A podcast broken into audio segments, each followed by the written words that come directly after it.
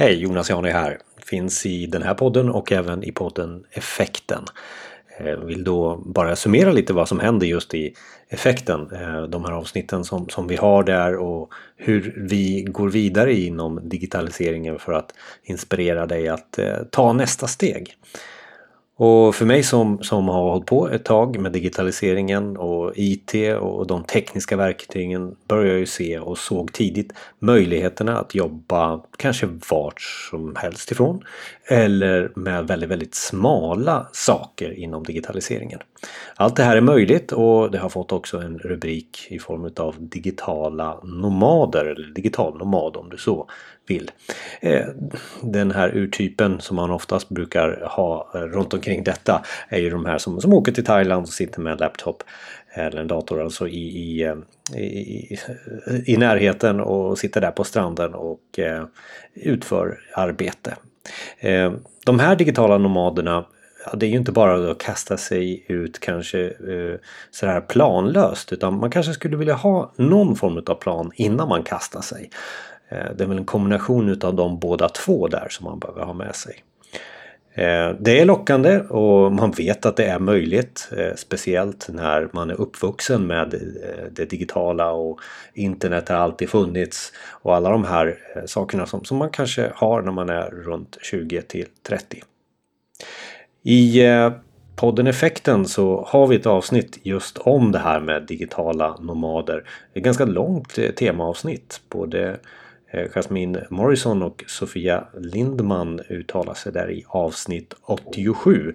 Där vi får veta lite mer om det här med att leva i en gig-ekonomi. Och eh, det här med svenska eh, nomader.se också. En plats du kan hänga på om du känner för att gå vidare med det här med att vara nomad. Men eh, man kanske inte skulle vilja vara så här gammal och klok eh, och peka ett finger och säga så här att ni måste tänka innan ni börjar.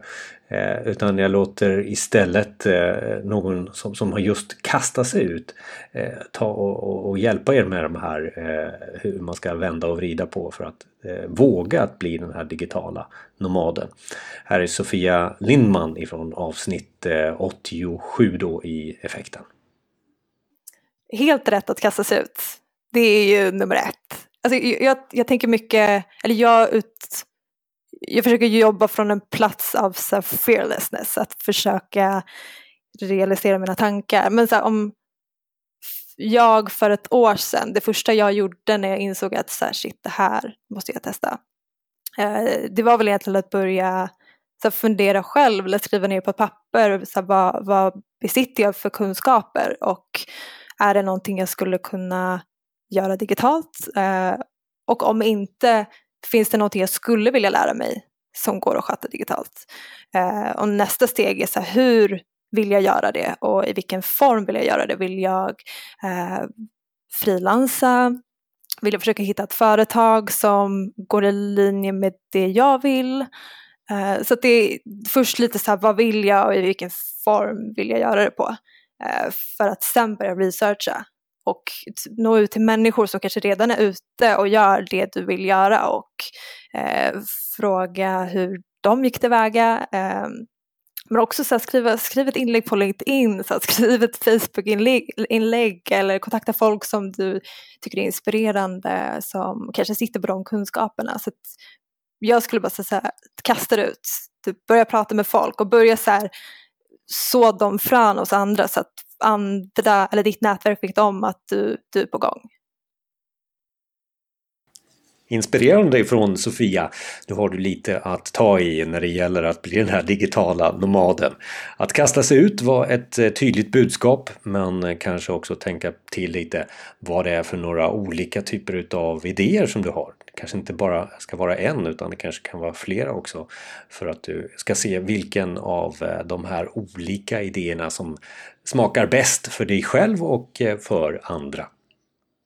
Jag är Jonas och finns för dig eh, och tipsar dig om värde runt omkring digitaliseringen. Både i som sagt var den här podden Effekten men även på LinkedIn dagligen.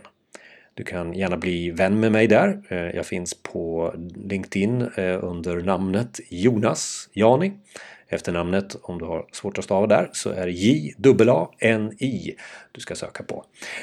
Så vi hörs på LinkedIn eller så hörs vi vidare här i den här podden eller den där andra podden som hette Effekten. Ha en underbar dag!